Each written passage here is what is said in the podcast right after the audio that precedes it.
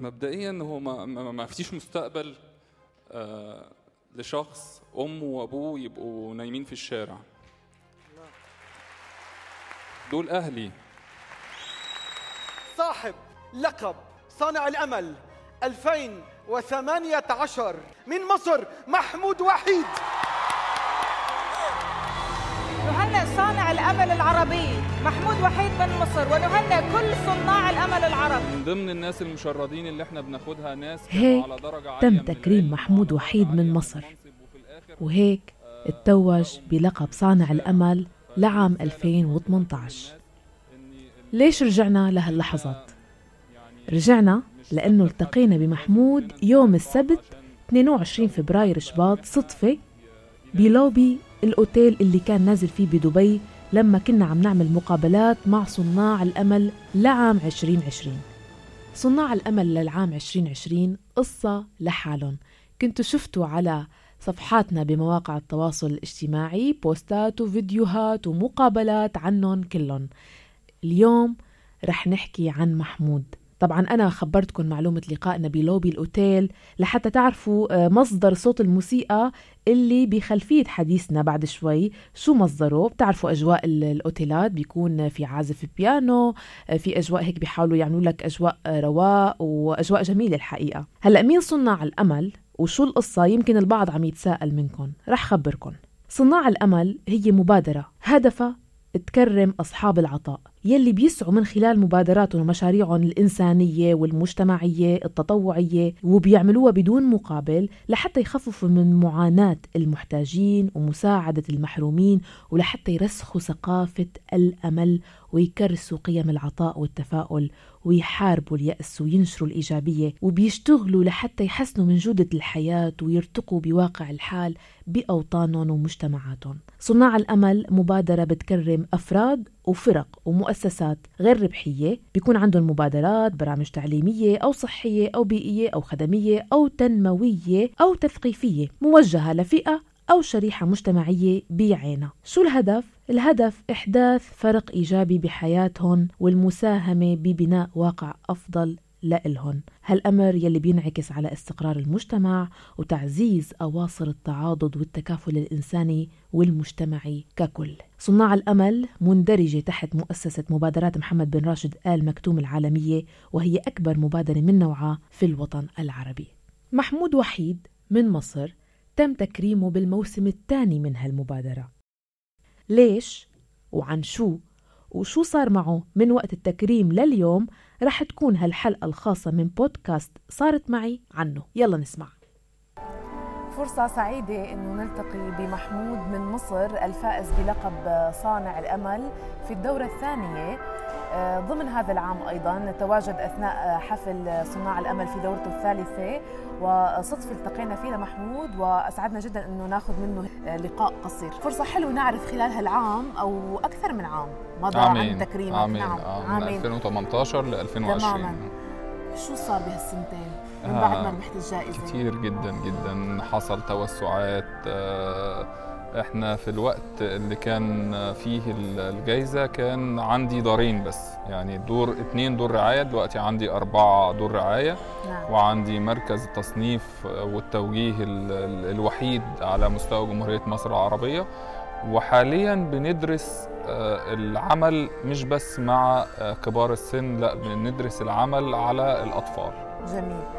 خلينا نذكر ال- المتابعين والمستمعين بالمجال اللي تعمل فيه اللي خلاك تكون ضمن صناع الأمل. آه، أنا كنت صاحب فكرة آه، إيواء آه، أهالينا كبار السن المشردين بلا مأوى واخدت الترخيص رقم واحد في مصر لرعاية المشردين بلا مأوى كأول جمعية أهلية في تاريخ مصر تعمل ال- المجال ده. إحنا بناخد الناس اللي هي نايمة في الشارع كبار السن بنتولى أمرهم آه، من كل حاجة يعني أكلهم شربهم رعايتهم عمليات لو محتاجين أدوية كل حاجة وبيعيشوا معانا حياة كريمة داخل دور ايواء اعدت خصيصا لرعايتهم. جميل. آه، محمود آه، شو شعورك إنه في كان لقطة من الحالات اللي أنت بتمر عليك في الدار ظهرت في الأوبريت؟ هو من قبل الأوبريت يعني آه، يعني أنا لما قعدت تاني في المسرح والتتويج والأجواء استرجعت كل ال- ال- الذكريات آه، 2018 وكنت آه، شعوري ابتدى يرجع لي تاني آه، وكنت آه، يعني في التوقيت ده وقت ما بيتعرض كان وقتها أغنية نحن صناع الأمل لحسين الجسمي. وكان برضو نفس الحالات بتاعتي بتتعرض في الأغنية بتاعت حسين الجسمي. أنا في التوقيت ده آه، بكيت. يعني كان إحساس صعب جدا إن أنتي آه، ناس كان محدش شايفها. ناس كانت بتاكل من الزبالة كانوا عايشين حياة صعبة جدا إن هم يوصلوا ويتصوروا ويطلعوا في مناسبة عالمية. العالم كله بيشوفهم والعالم كله شايف هم وصلوا لإيه فده كان حسسني بإحساس آه، يعني آه، امتزاج بين ال- الفرح والحزن في نفس الوقت خلاني بكيت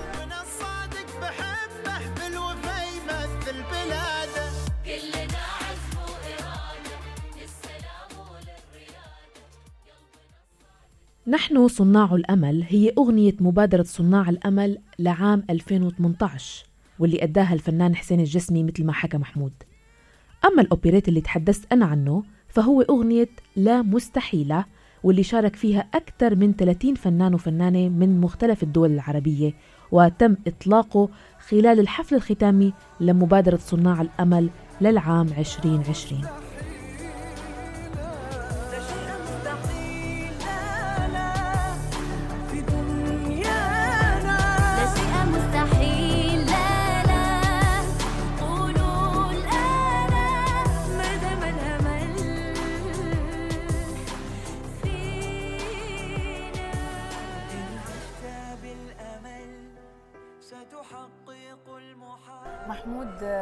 حضرتك متزوج؟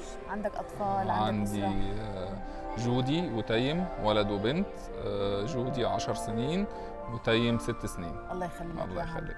آه، شو بتشتغل حضرتك؟ يعني أنت كيف عايش؟ شو تخصصك؟ شو أنا دراستك؟ مهندس نعم. وكنت بشتغل في شركة بترول وعندي شركة نقل سياحي كيف قادر تنسق بين التزاماتك المهنية ال- الأسرية وعملك بالتطوع؟ ال- دايما بقول للناس ده بتسأل السؤال ده أنت إزاي كنت بتشتغل شغلانتين وكمان المؤسسة والمؤسسة كمان دلوقتي بقت كبيرة ومتشعبة ومحتاجة جهد كبير جدا عكس الأول. آه، فدايما بقول لهم إن الشخص اللي بيحب شيء ومؤمن بيه هيوجد له الوقت وهيبقى سعيد وهو بيقوم بيه حتى لو على حساب راحته. يعني أحيانا ببقى مجهد جدا وفي حاجة مطلوبة للمؤسسة آه، بعملها بكل أريحية وبكون مبسوط إن أنا بعمل ده. جميل. عدد المتطوعين في المؤسسة قديش بلغ لا كتير. إحنا حتى الآن عندنا حوالي آه، 350 ألف متطوع على مستوى الجمهورية آه، بيتابعونا على مواصل آه، على مواقع التواصل الاجتماعي على السوشيال ميديا. أي حد فيهم بيشوف حالة في في الشارع على طول بيصور الحالة ويبعتها لنا على السوشيال ميديا صورة للحالة والعنوان بالتفصيل. وده غير فرق الإنقاذ اللي بتنزل نفسها تتعامل مع الحالات. ال- المعدل الوسطي لأعمار المتطوعين يتراوح بين قديش وقديش؟ والله أنا عايز أقول لك إن ال- المجال ال- يعني النشاط اللي إحنا بنقدمه آه، بقى فيه آه، يعني شيء غريب إن إحنا في أطفال بتيجي تتطوع معانا وحابين يساعدوا معانا وأطفال في عمر ابتدائي يعني لسه في, الظهور فإن هم يجوا حابين يتطوعوا وأهاليهم بي- بيدعموهم وبيساعدوهم على كده. لأن الفكرة إن النهارده الطفل لما نزرع فيه من صغره احترام الكبير وحب الكبير ويعني عدم آه، الجحود ال- اللي واصل مش هنوصل لمرحلة إن إحنا نلاقي آه، آبائنا وأمهاتنا في الشارع. نعم. يعني فينا نقول الفئة العمرية الشبابية أكثر شيء الشباب طبعا. الشباب طبعا. يعني أقصى الأعمار مثلا ممكن إحنا آه، بنتكلم بنقسم الموضوع جزئين. إحنا عندنا التطوع مقسوم لجزء آه، كبير جدا. بيكون في الشارع عشان التعامل مع الحالات في الشارع وجزء آخر بيكون داخل دور الرعاية. نعم. اللي بيكون في الشارع بيكون أغلبيته آه، شباب نعم. لأن الموضوع محتاج جهد ومحتاج آه، تحرك فده أغلبيته بيكون شباب. أما الجزء اللي داخل الدار بيكون أغلبيته كبار سن. ما زال الموضوع تطوعي بالمجان أو صار في مثلا ممكن آه، مخصص مبالغ مخصصة للمتطوعين بسيطة ولو؟ ابدا. ولا مليم. ولا مليم. جميل جدا. إحنا حتى آه، الدعم آه، بتاعنا من آه. المؤسسة حتى الآن ما بنكلفش الدولة ولا مليم. إحنا كل ال- الجهود بتاعتنا قائمة على تبرعات أهل الخير وده برضو شيء إيجابي حلو جدا إن المجتمع حاسس ببعض وبيتكافل وبيكفل بعض. طيب بس ما صار أي نوع من المبادرات أو التواصل مع مؤسسات حكوميه كان في لقاءات عديدة مع الوزيرة السابقة غادة والي نعم. دكتورة غادة والي وحاليا في يعني أنا عندي ميعاد بعد بكرة مع دكتورة نيفين القباش ودي الوزيرة ال- الجديدة في وزارة التضامن الاجتماعي المصرية. وهي؟ نشطة آه. جدا بخصوص ملف أهالينا كبار السن ال- المشردين. آه، دي قضيتي وده ملف يعني آه، كبير جدا. وفي اهتمام من من الدولة ككل من ال- ال- الجانب آه، الرئاسة من جانب آه، وزارة التضامن الاجتماعي من جانب رئاسة الوزراء كلهم مهتمين بملف أهالينا كبار ممكن السن يصير نوع من الضغط ليصير في قوانين معينة أو حاليا شو وضع لا القوانين مش ضغط إحنا بنطالب ضغط يعني كمنظمات يعني مدنية إحنا إحنا. إحنا طبعا آه. إحنا بنطالب آه وعايز أقول إن ما فيش منظمات مدنية كتير أو يعني تقريبا إحنا بس وكام آه حد ابتدى يعمل نفس النشاط. يعني عدد قليل جدا اللي شغال في نشاط أهالينا المشردين بلا مأوى كبار السن. نعم. آه، بس يعني أنا كان ليا مطالب وتقدمت بيها لمجلس النواب المصري لسن قانون آه، لحماية أهالينا كبار السن المشردين بلا مأوى من جزئين الجزء الأول إن يبقى في عقوبات على الابن اللي يرمي أبوه في الشارع آه، يبقى في عقوبة على ذلك والجزء الثاني بخصوص الدولة إن هي تكفل آه، ال- المشرد كبير السن لأنه هو يستحق إن الدولة وين. وصلتوا بهذا ال- الخصوص؟ آه لسه طبعا لسه طبعا بيدرس وزي ما قلت لك إن الدولة كلها مهتمية بال- بملف آه، اهتمام كبير جدا وفي مساعي إن شاء الله قريب جدا هنسمع أخبار حلوة إن بقى في مساعي للقضاء على الظاهرة تماما إن شاء الله شو تغير بحياتك خلال هالسنتين؟ أنا اتعلمت كتير وبقى في دايرة علاقات أكتر وأكبر آه، آه، كل يوم بيمر علينا بي- بيغير فكرنا وبيغير طريقة تعاملنا وأسلوبنا ودايما صار في تعاون. مع آه، مبادرات شبيهة آه، بمجال عملك. مثلا برا مصر أو داخل مصر صار في تواصل أو عمل مشترك؟ آه، أنا من بقالي فترة كبيرة بتواصل مع مؤسسة بتعمل نفس النشاط بتاعنا في فرنسا وبعمل معاهم تبادل خبرات والحمد لله إحنا واصلين في مصر آه، لتحقيق إنجازات لسه في أوروبا ما تمش تحقيقها. الحمد لله. ودي حاجة سا- يعني خلاني مبسوط جدا. رغم ان في أوروبا الدولة هي اللي متكفلة بكل شيء يعني الموضوع قائم على نفقة الدولة تماما نعم. إحنا في مصر قائم على آه، يعني التبرعات ورغم ذلك إن إحنا متقدمين وعاملين برامج أشمل آه، وده آه، لهدف إن اللي بيساعدوا في في المجال ده من المصريين بيعملوه بحب وبيعملوه تطوع وبيعملوه برغبتهم غير لما يكون شخص موظف بيأدي خدمة وبمصر في منظمات آه، آه، مثلا بمناطق تانية أو أنتم شو المناطق اللي بتغطوها؟ إحنا بنغطي جمهورية مصر العربية جميعا من اسكندرية لأسوان وعندنا فرق إنقاذ في كل محافظات مصر ودول من المتطوعين طيب ما في منظمات تانية؟ آه، بحث لعمل مشترك أو تعاون إحنا أو- بنعمل تعاون مثلا مؤخرا مع آه، مؤسسة خالد عبد الله آه، وبنك الكساء وبنك الطعام نعم. المصري عاملين يعني تعاون بينا إن هم يساعدوا أهالينا كبار السن سواء في الغذاء سواء في الكساء وإن شاء الله يعني بنحاول نعمل كمان مع وزارة الصحة عشان يكون لينا مستشفى مخصصة لأن كبار السن بيحتاجوا دايما بيحتاجوا. رعاية صحية. آه. آه، للشباب المصري بشكل خاص والعربي الطامح للتغيير اللي عنده أمل بس عم يواجه صعوبات بحياته. شو بنحب نقول؟ ما فيش بداية ما بيبقاش فيها صعوبات. أنا لما بدأت كان المجتمع كله رافض اللي أنا بعمله من ضمنهم أهلي. أنت بتعمل إيه؟ آه وإيه اللي ورا اللي أنت بتعمله؟ وكان كل الناس آه بتحاول آه توقف ده. وحتى الناس الغريبة اللي ما تعرفش وشايفة من بعيد بتتهمك بحاجات ممكن ما تبقاش موجودة. يعني أنا اتهمت بتجارة الأعضاء اتهمت ب يعني بإن في تربح من وراء اتهامات هو شو كان عديدة. حافزك محمود بالبداية؟ نذكر المتابعين. آه الحافز ان انت تشوفي شخص في وضع بيموت ومفيش حد خالص حاسس بيه وجواكي آه يعني ضمير إن انت تقدري تسيبيه وتتخلي عنه وتروحي تعيشي حياتك عادي يعني ده ده أكبر حافز إني آه أنا حسيت إن أنا مسؤول عن الناس دي وحسيت إن أنا هم في رقبتي ولازم أساعدهم.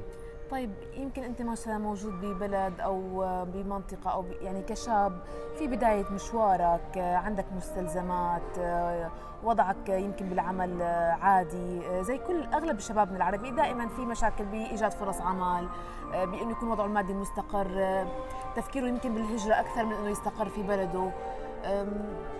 كيف ممكن الشاب العربي اليوم تحت واقع عام عم نحكي يعني خلينا نحكي بشكل عام معظم بلدان العربية للأسف يعني ترزح تحت واقع آه، صعب سواء اقتصادي أو حروب أو عدم استقرار كيف ممكن تحت هاي الظروف يكون قادر على العطاء أو يكون يفكر آه، بالمبادرة بهيك نوع من المبادرات آه في مقولة يعني يعني في مقولة إحنا إحنا إحنا. بنقولها نعم. دايما وهي مقولة غلط اللي نعم. هي آه فاقد الشيء لا يعطيه نعم. لا إحنا إحنا أنا شفت آه، المشرد نفسه اللي هو قاعد ما حلتوش أي حاجة خالص في الدنيا.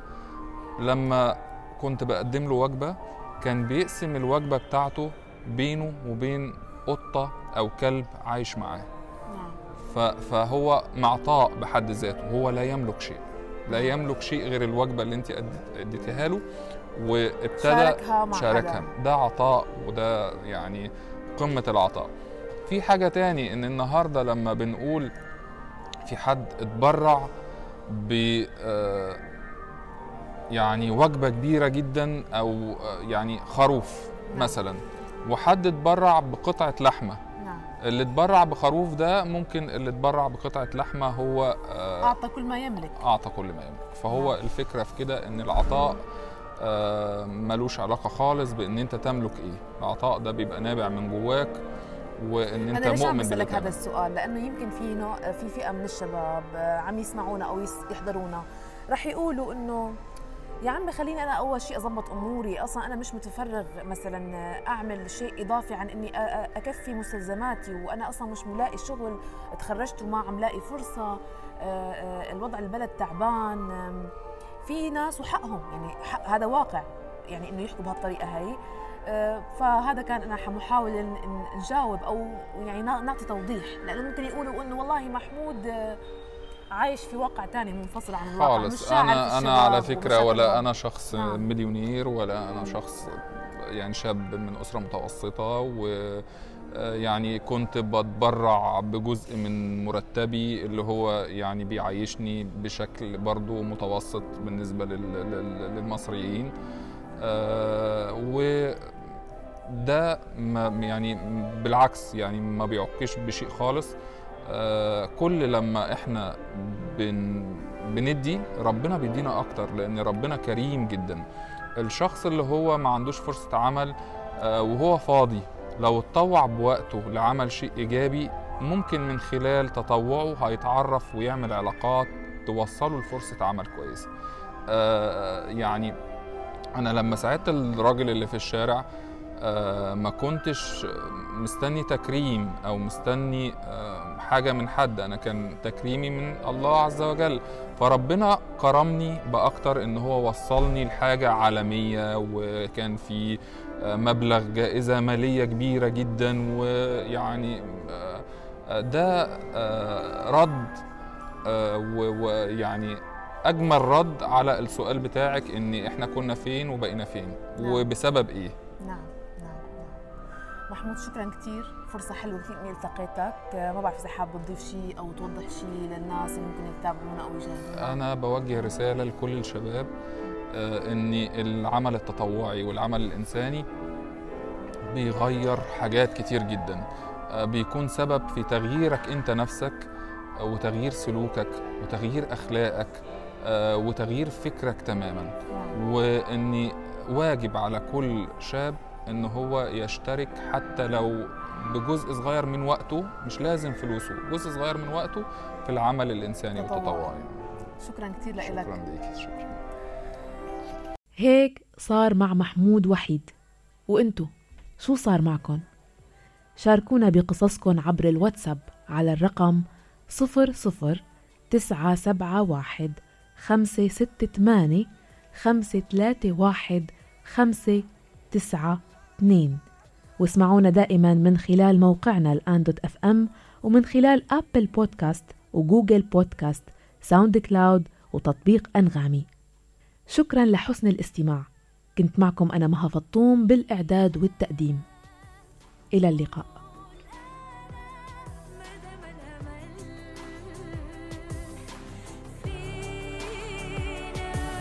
إن عشت بالأمل ستحقق المحال بثبات ستصل أعلى من قمم الجبال. انظر للحلم البعيد. وتسلح بالإيمان وإرادة من حديد تجد حلمك طوع البنان